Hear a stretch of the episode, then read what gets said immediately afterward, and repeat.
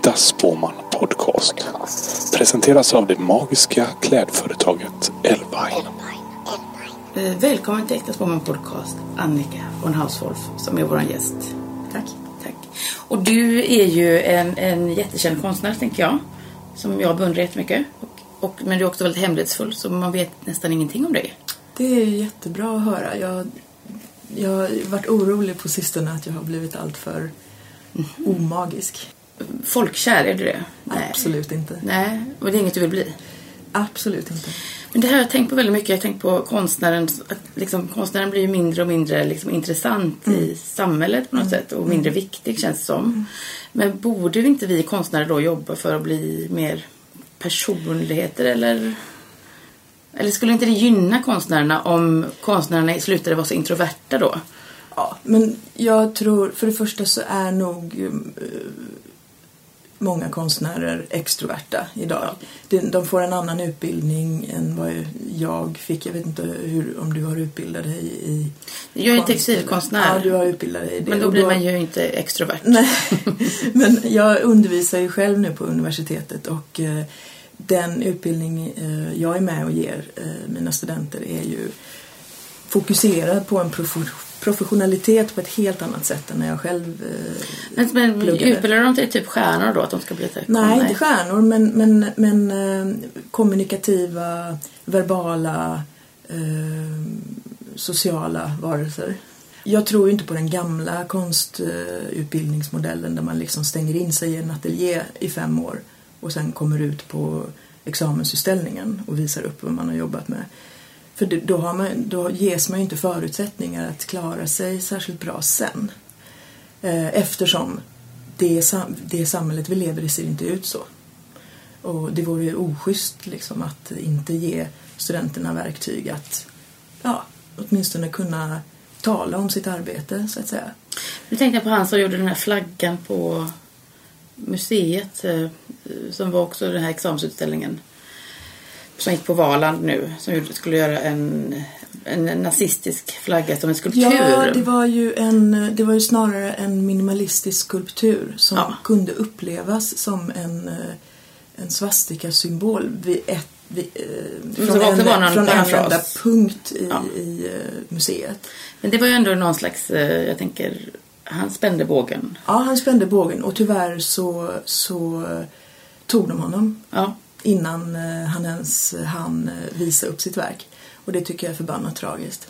Mm. Jag tyckte att eh, hans eh, idé verkade i en ganska gedigen tradition av eh, ja, men en slags konst där man, man skapar eh, till synes oskyldiga former men som visar sig innehålla så här politisk sprängkraft kan man säga. Och eh, jag har inte analyserat riktigt vad som gick fel i den där processen men eh, han censurerade ju sig själv innan vernissagen till och med. Ja, precis. Och jag tänkte att han liksom, det kändes som att han ändå började prata och Ja. tycka saker Ja. och också Ja. Sen tog blev det ju ett plats. enormt mediadrev. Det blev ett socialt, eh, sociala medier-drev. Många var väldigt arga på Facebook. Eh, många var arga på Facebook och det, det är ju också ett problem. Mm. Så kan man ju inte skapa. Nej, Om man så kan man inte skapa. Nej. Men du är ju inte så aktiv på sociala medier. Nej. Nej. Nej, det ger mig ångest. Ja, men det, det här hemlighetsfulla, vad är det? Nej, jag tror inte jag är så hem, hemlighetsfull så. Jag sitter ju här till exempel och, och som du märker så kan jag uttrycka mig Ja. begripligt. Eh, men eh, Men du är proffs också här på... eh, jag, jag har ju blivit ett proffs. Jag har varit verksam i snart 25 år. Eh, det var snart 25 år sedan jag gick eh, min utbildning på Konstfack i Stockholm i fotografi och eh, det vore fan om jag inte kunde uttrycka mig efter så många år. Hemlighetsfull? Nej, jag tror inte jag är så himla hemlighetsfull men jag har ehm, ehm, jag skulle vilja kalla det integritet. Mm. Eh, och det grundar sig i att jag är en ångestdriden människa som lätt, ja, som måste ta hand om mig själv. Jag kan inte liksom exponera mig och... Men vad har det hela tiden varit så då? Eller, Mm, ja. jag tänker ibland innan man får integritet kanske man... ja, just det. Nej, men det, har alltid, lite- det har varit så sen jag, kanske inte sen jag föddes men kanske sen jag kom i puberteten. Men jag tror inte jag är introvert. Jag tror jag bara eh, håller mig undan eh, håller mig undan liksom eh, för mycket sociala sammanhang. Både, jag gillar inte att gå på vernissager för jag gillar inte att kallprata, vilket man måste göra. Eh, om man inte liksom dricker rätt mycket som man orkar med. Eh, jag gillar inte sociala medier. Jag gillar, jag gillar eh, funktionen. Jag kan använda mig av den för att få information. Men att sitta och babbla på sociala medier är inte min eh, grej. Det ger mig ångest. Inga konstigheter. Men där tänker jag på, nu är du ju foto, säger man fotokonstnär? Eller, Ja. eller foto, Ja. fotograf? Ja, jag, jag, jag har alltid... Det där är lustigt för att eh, när jag började med fotografi då var det var under en period när fotografiet så fruktansvärt gärna ville bli erkänt som eh, fine art. Och då gjorde jag det till en grej att kalla mig konstnär och gick med i KRO istället för SFF. Men det har ju också att göra med att jag jobbar liksom med konstnärlig gestaltning. Jag gör ju inte eh, matfotografering eller, eller reportagefoto. Blir du tillfrågad om det då? Eh, nej, Nej. nej. För, men man tänker att det skulle vara så största lyxen om du Ja. dök upp och fotograferade en Ja. bostadsrätt nej, men, eh, eller... Nej, men den Nej. enda, ehm, den enda som har bett om mina tjänster är Ann-Sofie Back. Jag plåtade en eh, kollektion som hon hade gjort för ett år sedan. Eller så. Men det var ju det var inte så främmande. Dels för att jag tycker att hon arbetar alltså, vad ska man säga, kritiskt med kläder. Och ehm, att fota, jag har ju fotat mycket människor, alltså jag har ju iscensatt eh, människor i mina fotografier. Eh, så det där var ju inte, det steget till att plåta hennes kläder var inte så stort. Dessutom fick jag lön i kläder, så det var ganska bra. Annars hade ju pengarna gått till hyran. Så eh, det tycker jag är jätteintressant hur man får betalt då som konstnär. För Ja. Det Ja. tycker jag att jag brottas med ofta. Ja. Jo, det, det är ett... Sådana eh, sköna betalningssätt. Men, Ja. men kanske Ann-Sofie är okej då? Det måste jag ändå säga att det var faktiskt jävligt okej. Ja. Ja.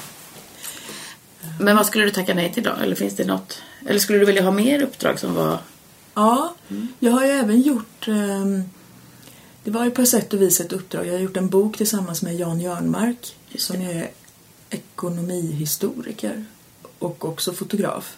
Han letar efter sina gömda platser. Ja, precis. Han skriver ju om eh, samhällsekonomi och ehm, vad ska man säga, ja, illustrerar eller gestaltar böckerna med eh, bilder från övergivna platser.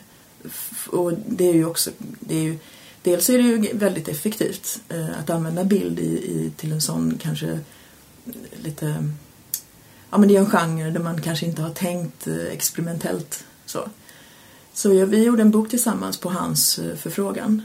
I efterhand så berättade han att han hade mm, bett mig vara med för att han ville kolla hur jag gjorde när jag fotograferade. För att bli lite bättre fotograf själv. Och det blev han faktiskt, Mm. måste jag säga. Tar du upp nästa bok själv då? Nej. Vad sa du? Han följde upp med en ny bok som han gör. Nej. Ja, eh, vi ska göra ett projekt till tillsammans faktiskt. Men det är ju... Det är ju... ehm, alltså det är, jag ser det inte riktigt som uppdrag heller. Det är ju en... eh, Alltså jag lägger ju in egen, min egen blick i, i de bilderna. Så om jag skulle vilja... Men ska ni fotografera övergivna platser ja, då? Mm. Ja, nej, ja, jag vet inte riktigt eh, så mycket. Vi ska träffas på fredag och prata om Jag förstår, projektet. förstår. Jag vet inte riktigt så mycket. Då vill man nästan kasta sig in, för jag tänker övergivna platser Mm. kan ju vara hemsökta. Säga, eftersom det här programmet handlar om magi, Ja, har, tror du på aurafotografering? Nej, Nej. inte direkt. Nej, men det är väl någon form av värmekamera väl? Eller Ja, som, jag tror säkert att det går att fota någon slags energi som strålar ut från en människas kropp. Jag, jag är däremot högst Vi osäker krossar på... alltså illusioner nu om detta. Ja, jag, jag är osäker på om, om, den, eh, om den uttrycker någonting annat än eh, kroppsvärme. Nej men, Men det är alltså, jag dyrt att göra. det- är väldigt dyrt. För jag har vänner Okej. som har gjort detta som Ja. var såhär, "Åh, herregud nu var och, och aurafotograferar mig och så är de väldigt där, jag var lila. Ja. Och det är då betyder att man är väldigt avkopplad. Men då undrar jag, det kanske är väldigt vanligt att man blir lila. Eller det var liksom, vad kan det vara för värme? Det måste ligga Ja. mellan rött och... Ja. Ja. Jag vet faktiskt inte. Nej, jag tror inte på någon Jag tror inte på någon magi som kan fångas på alltså det är, en- Men det är en ganska Jag tror inte på någon magi som kan fångas på med hjälp av en kamera. Däremot så är det en väldigt eh, lång och rolig tradition inom eh, fotografi. Eh, detta med att försöka fånga Mm. övernaturliga väsen. Poltergeist. Och poltergeist och det fanns, det fanns en, en period i fotografins historia där man sysslade med ektoplasmafotografi, fotograferande. Där ja, människor eh, till synes eh, spydde ut någon slags substans som då skulle som då sades föreställde ja, vad vet jag. Var det lite som en tarotläsning då? Eller att man skulle kunna se något i vätskan eller? Alltså jag tror bara den här ektoplasman existerade på själva fotot och jag tror ju att den var manipulerad. Ja. Så. Men däremot så tror jag ju på magi. Men jag tror inte den låter sig fångas på bild. Nej. Men eh, eh, det, det finns ju någon sån Youtube-kanal nu där de är ute och filmar som är väldigt populär bland unga människor. Kanske ja, du vet. Min dotter tittar på det. Ja. Mm. Ehm, och de, de, då fångar de ju någonting. Jo. Eller vad tror du? Nej, Nej. Nej, okej. det tror jag inte. Nej, för de verkar ändå lite så här skärrade själva efteråt. Ja, man- det tror jag det. Ja. Det är ju lätt hänt att skrämma upp sig själv. Ja. Det, och det är ju det är också en form av magi att skrämma upp sig själv. Eller Ja. det är någon slags Ja, det är ju en... suggestion eller Mm, suggestion. ja, gemensam. precis. Mm. Men jag tror ju att man kan påverka ehm, sitt liv med hjälp av eh, ett magiskt tänkande. Men det får man öva upp. Har du övat upp det? Mm, nej, jag, jag tappar bort det eh, hela tiden. Men i perioder återvänder jag till det. Mm. Ehm, och ehm, det har funkat ett par gånger. Hur yttrar det sig då? Eller vill du, det kanske är hemligt? Nej, det är inte så hemligt. Det handlar ju om att ehm, föreställa sig. ehm, man gör sig en bild av någonting som man vill uppnå. Så jobbar man lite med den bilden mentalt. Lite som en affirmation då kanske?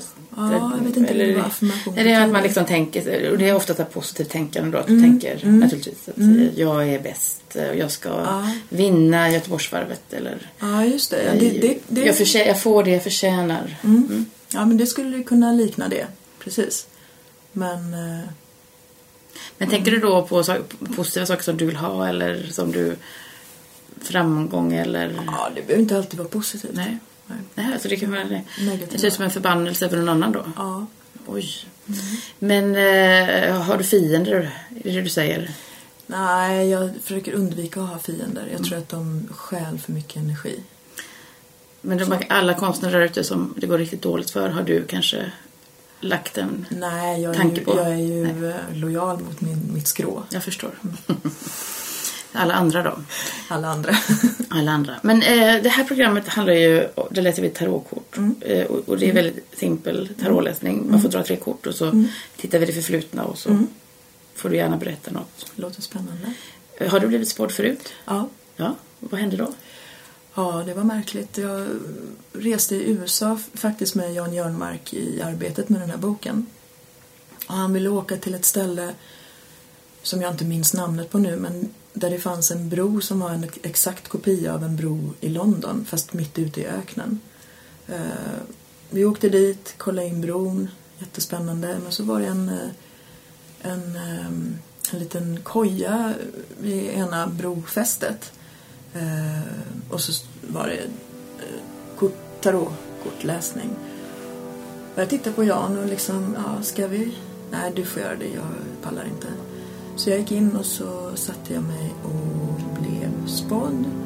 Eh, vi kom inte så långt för att ehm, ehm, hon berättade att för att lösa upp de här knutarna som hon såg, eller hon såg faktiskt en förbannelse, så behövde hon typ 2000 spänn till och jag hade inte det. Och, eh, men när jag åkte därifrån så, så undrade jag liksom, eller jag satt och funderade lite på vad hon hade sagt och så bara trillade ner ett par poletter att hon hade faktiskt sett. Jag visste precis vem som hade kastat förbannelsen på mig till exempel. Jag visste precis vilka de två mörkhåriga kvinnorna i mitt liv var och så vidare. Det var märkligt. Och jag funderar på fortfarande om jag skulle langat upp de där 2000 kronorna. Men det, det kanske finns... Eller skulle du vilja bryta förbannelsen då? Ja, jag misstänker att den är faktiskt bruten av eh, ja, redan nu. Det här var några år sedan. Och eh, är det inte så att när någon dör så bryts förbannelsen, eller? I sagor är det väl så i alla fall. Ja. Jag vet inte hur det är i Du verkligheten. vet inte hur det är i verkligheten. Personen är död och, och jag tror att förbannelsen är bruten i och med det. Jag fick också en förbannelse en gång på mig som jag hittade under min säng som personen hade gömt under sängen. Och eh, när du då gör det av med den här grejen, då bryts förbannelsen, eller? Jag tänkte det, jag var tvungen att elda upp det då. Men jag Ja, hittade en väldigt kraftfullt. obehaglig sak under min säng som jag aldrig hade kunnat föreställa mig låg där. Och det var, det var hår och naglar och Mm, fan. Ja. Och då tänkte jag, varför är jag olycklig? Jo, men det är ju på grund av detta. Mm. Fast sen fortsatte jag vara olycklig Kändes det bättre? Nej, det blev inte bättre. Nej men jag vet inte, men jag tänker att jag är ju jagad av mitt, eh, min, inre, min Ja. inre förbannelse, eller Ja. mig själv. Men det kanske, det kan, ja. Mm. Men jag tycker det blir bättre när man blir äldre alltså med eh, eh, den här... eh, Med det inre? On, ja, den inre, eh, inre, vad ska vi säga, inre demonen. Mm, det håller jag med om, faktiskt.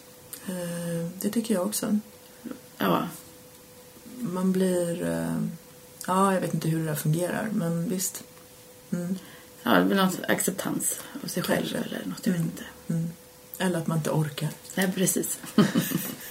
Men eh, det tänkte jag också faktiskt på häromdagen att eh, var det inte mer underbart att, att lida när man var yngre? Jo, I 25-årsåldern Det är så klart det var. njöt jag verkligen av Ja, ja, självskadebeteendet. precis. Jo, men det var, det var mm, nästan roligt. Och Något man sökte upp och eh, som gav energi. Men i mitt fall, jag eh, fick ju barn för 16 år sedan och då, då funkar inte det. Då funkar det inte att lida på det sättet. Men det brukar ju, jag tänker, är en bra sak att skaffa barn. För då Mm. måste man tänka på en annan person. Precis. Då får man bryta med sitt, eh, sitt eh, njutbara lidande faktiskt. Men eh, det här kanske är privat, men man blir lite nyfiken på den här förbannelsen. Hur, den liksom, hur kände du att det yttrade sig? Så här, var det som, Nej, alltså jag, hur yttrade det sig vardagen? nej men jag, kan, jag kan inte påstå att jag hade känt av den innan hon påtalade den. Men den fick ju mig att fundera på vissa saker i mitt liv som inte har fungerat. Och då eh, tänkte jag att eh, det kan ha varit eh, på grund av den här förbannelsen. För det är vissa saker som upprepade sig som jag kan tänka mig var då liksom fokus för den här personen. Ehm, och ehm, Varför tror du att den personen ville det så illa? för att jag gjorde den personen illa. Okej, så det var som Det var hämnd. Det var inte bara hat. Men du, när man, eh, man blir, eftersom detta, vi kan titta in i det förflutna och dra ett kort och se så kanske vi får mer svar om förbannelsen och hur den yttrade sig. Du var väldigt snabb och bara tog ett nu. Ja. Och då är det första kortet är solen. Oj. Som handlar om att stå i centrum och stå under solen. Som ser så är det två små barn här också som är små keruber och det handlar om kärlek. Jag är så närsynt så jag ser... Ja, förlåt. Du får gärna titta lite närmare här då. Eh, mycket kärlek. Kan handla mycket om kärleksrelationer. Har det varit viktigt i ditt liv? Ja, Eller är det... det har varit... En drivkraft. eh, Det har varit ehm, eh, jätteviktigt. Men det har ju också inneburit lidande. Mm. Kärlek. Varför är kärlek lidande? Eller det undrar jag nämligen. Ehm, ja, därför att ehm, det, det handlar ju om att mötas på halva vägen. Och, och ofta så funkar ju inte det så bra. Nej. Men i perioder är det ju större harmoni. Absolut. Men eh, som kortet, kortet är ju liksom lyckligt. Men det kan också handla om att vara förälder. Mm. Till exempel. Ja, alltså det är, om jag tittar tillbaka på mitt liv så är det här kortet alldeles för lyckligt för att det ska stämma på mig. Mhm. Men det handlar ju också om att stå i solen. Att, stå, att fi- befinna sig i solen. Och som du någon gång sagt Håkan, tycker jag att det var fint att bränna sig i solen. Tycker jag mycket om. Så att återkommer till ibland. Malignt melanom tänker jag då. Cancer, ja precis. Så eh, det förflutna ledde, var helt enkelt en cancersvulst i själen. Nej men du, men du har ju liksom... jag gillar ju bilder och det är jättekul att associera på det sättet. Jag kan ju förstå om, om tarotdisciplinen har en egen tolkningsapparat. Men när vi sitter och pratar så här, ja solen och att Men det är mycket bränna sig, Då är ju det liksom, ja men då blir ju, då blir ju den här inte så entydigt eh, positiv för mig utan eh, den här nej, längtan efter inte. kärlek då? jag stod, inte, jag stod inte i centrum. Mina föräldrar var rätt unga när de fick mig och när jag tänker på första delen av min barndom så kände jag mig mest som publik. De hade ett pågående drama som utspelade sig liksom i hemmet. Men då skulle man kunna säga jag- att det här handlar om det här paret som är här. Åskådaren. Liksom. Mm. Och jag var absolut inte i centrum. Tvärtom. Men som du ser så är det ett kärlekspar här. Mm. Som någonstans befinner sig på en scen under en strålkastare. Ja. Som är solen. ja, det kan ju vara mina föräldrar. Men vad, hur, hur gjorde det dig om du såg den här... Varför blev du så intresserad sen då av att Av att ha en relation eller, eller det som du sa, Jo, men kärlek det är ju då? en ganska klassik. Ja. Det är en klassiker tror jag. Man vill, man vill göra om och göra rätt. Mm. Om man tar med sig eh, sina föräldrars...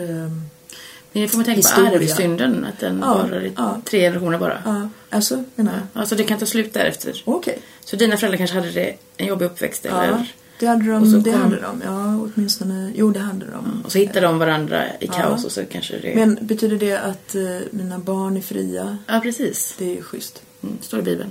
Det är jävligt bra. Men, eh, men detta kan också handla om att man har framgång och är liksom, Ja. står Ja, på en scen har- och pratar. Och, Jag har haft framgång. ja. Absolut. Men hur fick du då modet att ta den platsen då? Eller det kunde Ja. det ha varit så att du kände... Nej, visst är det konstigt. Ja. Mm. Jag har nog tänkt att eh, den där urkonflikten eh, har också fungerat som en drivkraft Mm. eh, för mig. Ehm, att ehm, det på något sätt handlar om att ta revansch kanske. Att, eh, att vilja komma så långt bort ifrån eh, den här eh, konflikthärden som möjligt. Att göra något helt annat än vad de Fick gjorde. du eh, upprättelse då av dina föräldrar? Eller såg de dig Mm. sen? Ja, de, de... Eller de kanske lever fortfarande? Eller? Ja, min mamma lever. Ja. Min pappa dog i höstas. Ja, de, de är ju lustiga för de har liksom aldrig de har liksom aldrig sett mig för den jag är utan alltid när de har blivit nöjda med mig det är när de har fått höra av någon annan att jag har gjort något bra. Brukar inte det vara så lite med föräldrar? Eller? Ja, Jag tycker inte att jag är en sån förälder. Nej. Men, fan men jag vet. tänker sån Ja. erfarenhet också att min Ja. mamma kan säga så här. "Ja, Det var en på jobbet som sa att Ja. eh, hon hade sett något, att har gjort en bok eller att det blir någonting Precis. extra fint då för Jo, henne. men precis. Och då vet inte jag om det är liksom en, en eh, personlighetsfråga eller en generationsfråga. Men varje gång jag var i tidningen då blev de ju jätteglada. För det, det kunde de förstå. Sen- jag kan inte anklaga dem för att inte förstå för, det, för konst är ju det är så långt bort ifrån min Man blir familj. också nyfiken då vad de arbetade med eller vad liksom, de körde spårvagn, Men var det som att de båda två. Tyckte också när du sa att du skulle bli konstnär? Ja, Var det, det måste varit overkligt eller? ja men... eh, Hur hittade du konsten? Och jag har pratat om det här så mycket Okej. den sista tiden eftersom eh, det, det verkar finnas en, en, en stor önskan nu i, i, hos människor att eh, titta tillbaka på 80-talet. Mhm. Min, kon- min konst... eh, Är inte det obehagligt att människor tittar tillbaka på 80-talet? Att det är män också som eh, har haft sin storhetstid. Som vill sätta Ja, samman olika ja. grejer på olika museum. Japp, Nu får de en chans till nu får de en chans att vara i centrum. Ja. Så, eh, så är det mycket. Men det, är också, det har ju också varit väldigt roligt att titta tillbaka. För det, var ju, det var en fantastiskt rolig tid för mig här i Göteborg. Jag är ju som sagt uppvuxen i Göteborg. Mina föräldrar körde spårvagn. De träffades på spårvägen och fortsatte köra spårvagn hela sina liv. Och det är kanske det jag ville då komma... Alltså du vet, jag brukar tänka spårvagnen är... Den går på en räls. Om de ändå hade kört buss, då hade de kunnat svänga till vänster istället för till höger. Mm, jag förstår. Du fattar? Men 80-talet var ju... Jag hoppade av eh, gymnasiet. Jag gick sex veckor på Hvitfeldtska. Och eh, hoppade av och fick praktikplats på ett skivbolag som heter Radium. Och där, det drevs av eh, tre stycken konstnärer. Och det var ju där jag fick eh, Mitt, ja, det var mitt första möte med Och då konst. kanske det var musik då som ledde Ja, in? absolut. Absolut. Nu tänker jag så här, är det din värsta mardröm att Göteborgs stad hör av sig vi ska uppkalla en spårvagn efter dig? Ja. ja. Då kommer du säga nej. Jag vet inte om man får säga nej. Jag vet, nej, kanske man inte får. Inte för det är så stort. Det är för stort. Det, det skulle vara...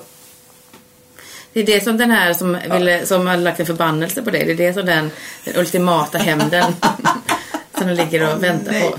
Men den är bruten, jag lovar. Ja. Ja, tills denna Lå- dag då. Låt oss inte hoppas att det sker för allas bästa. Ja, nej, vi, vi, Det kommer bli kaos. terror, terror, terrorist på spårvägen. Ja, men, men vad, vad spännande då. Så musik, med musiken så hittade du in i en dörr. Ja, därför att eh, alltså det, är, det är inte bara en, en, en eh, anledning så att säga. Men en, ja, en av anledningarna var att eh, eh, de behövde någon på skivbolaget som fotade banden. Alla män, Mm. såklart. Mm. Det var bara killar som eh, spelade. Men eh, det gjorde att jag började mm, så här, testa kameran och det fanns ett mörkrum där för två av dem var, höll på med fotografi och jag gick in i mörkrummet. Så då har det du egentligen ju- aldrig fotograferat innan? Nej. Nej, vad kul. Eller vad... Jag tänkte på mörkrum innan också. Och på solen. Den är ju Mm. Ja. livsfarlig för mörkrum Ja. för den förstörs. Ja. Men det är ju väldigt magiskt. Ja, det är magiskt. Mörkrummet är mörkrum. magiskt. Det har alltid varit magiskt. Och, kommer alltid, och det är därför det är liksom en, en sån... Eh, eh, alltså förvirrande... Det har varit en förvirrande tid för mig i, i och med det digitala eh, skiftet. Att marknaden har gått över från att producera analoga material till digitala kameror.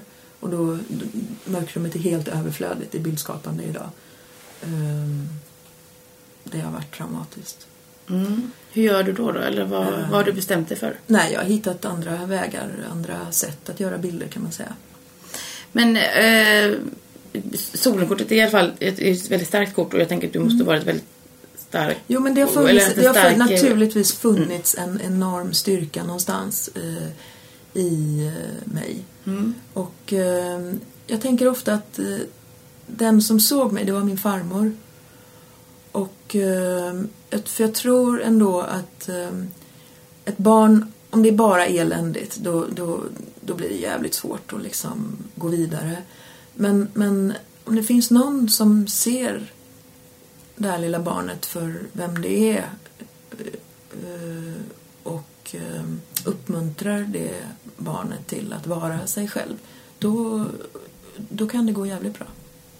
Men En sak som jag tänker med din konst då är att jag tycker att du liksom tittar. Du, eh, eh, mycket fotokonst handlar om att titta på sig själv eller jag tänker det moderna.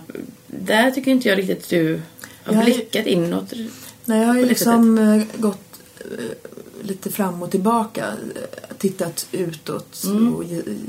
Men jag, menar, jag tänker att det känns väldigt eh, vad heter det, sympatiskt. Mm, Att det, mm, mm. det är kanske också därför jag upplever att du är hemlighetsfull. Mm, mm, Det mm. känns inte som att jag har sett dig naken.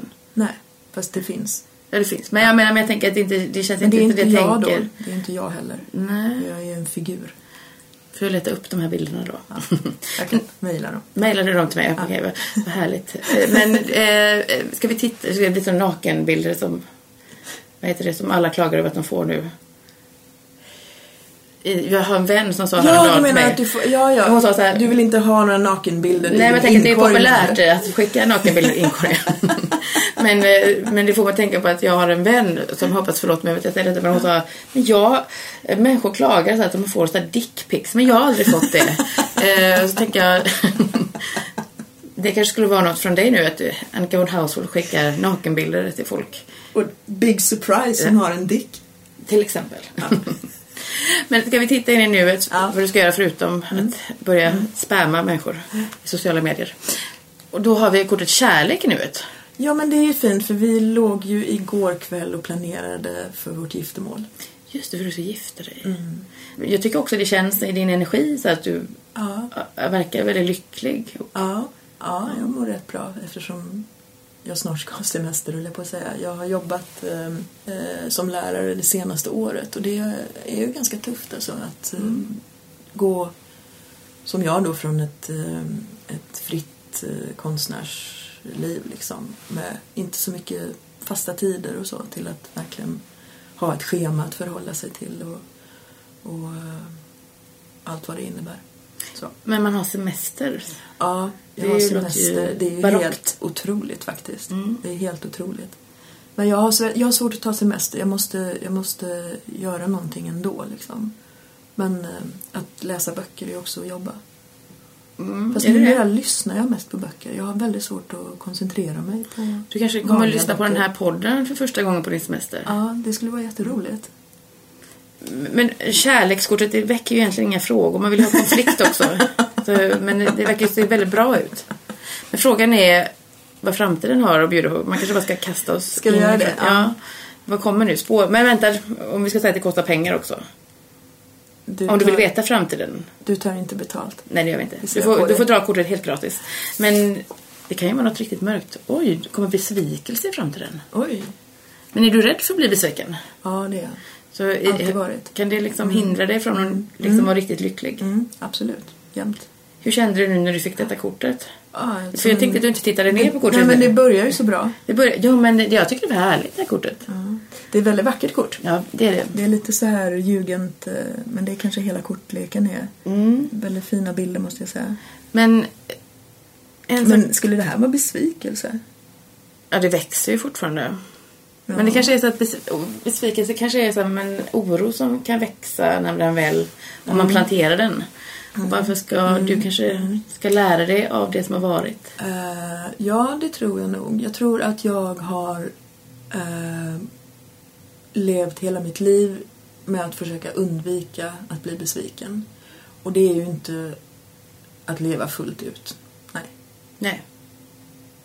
Så det här kanske är en eh, läxa. Men, men man kan ju säga också, förmodligen kommer du ju bli besviken Mm. på någon Mm. den kommande tiden. Mm. Någon elev som är värdelös. Mm. Mm. Eller... Ja, fast jag brukar inte... De får ju ta ansvar för sig själva. Nej, men jag tror nog snarare att eh, det här kan vara eh, ett litet meddelande om att jag ska strunta i den där rädslan. Ja. Att, eh, att för att bli besviken. Det är inget negativt kort tycker jag inte. Det är väl bara den oron som du har bär på att så kanske ska gå åt helvete. Eller... Mm, mm, mm. Ja, kanske. Men, men inte tänker Nej, men jag... alltså, vi kan ju läsa den väldigt konkret också. Det är Jag tänker att vi måste göra... kärlek, giftermål och besvikelse. Jag vet inte. Men det, Du kanske det måste... verkar inte så konstruktivt. Jag brukar ha med mig den här, nu tar jag fram ett ägg här med en tand i. Eh, så man kan inte öppna den för det luktar väldigt äckligt. Men eh, det är från en, en människa. Men jag brukar ta med mig den här och man skakar på den här tre gånger. Så kan man liksom bryta Okej. eh, eventuella besvikelser i framtiden. Så då kan du göra det nu. Så kommer vi... Har vi brutit det nu? Precis. Så kommer det att bli bra. Det är fint. Det Och du kommer få tur. Men eh, man får också dra ett kort i den här eh, andra kortleken som du kan bära med dig ut i livet. Som, Som, ett eh, eh, kraftkort som du kan ha i väskan när du Som du har gjort. Som jag har gjort. Fantastiskt. Tänk om det blir besvikelse igen då? Då är det ett då är det ett väldigt bra tecken tycker jag. För Menar ibland händer det att det blir samma kort som det kommer i kortleken här. Men nu kanske vi hoppas för mycket. Nej men då blir det ju vällevnad och det är ju motsatsen till besvikelse i kortleken. Det är fantastiskt. Eller hur? För här växer det. Och i besvikelsekortet så vissnar det lite. Eller det, och ångesten håller oss fast. Men vällevnad handlar om att leva i naturen som en naken människa. Och bara låta det växa. Det är faktiskt helt fantastiskt. Eller hur? Ja, visst. Du kommer fortsätta i vällevnaden. Mm, det är klart. Du behålla det här kortet? Det är klart. Och Tack så sen hemskt mycket. också så får du en present från våran underbara magiska sponsor Elvine. Oho! Så det är ett klädesplagg som du får här. Oho! Som... Ja, du får öppna det och så Men får vi var se det vad du... tanken från början eller ger du mig bara något som Nej, du... nej, det var tanken. Det var därför det kom en man hit med eh, post. Eh, och, och så säger vi tack till dig Annika för att du kom hit. Det var jätteroligt och spännande. Det var Tack själv. fantastiskt att du Tack själv för att du ville bjuda in mig. Äkta Spåman Podcast.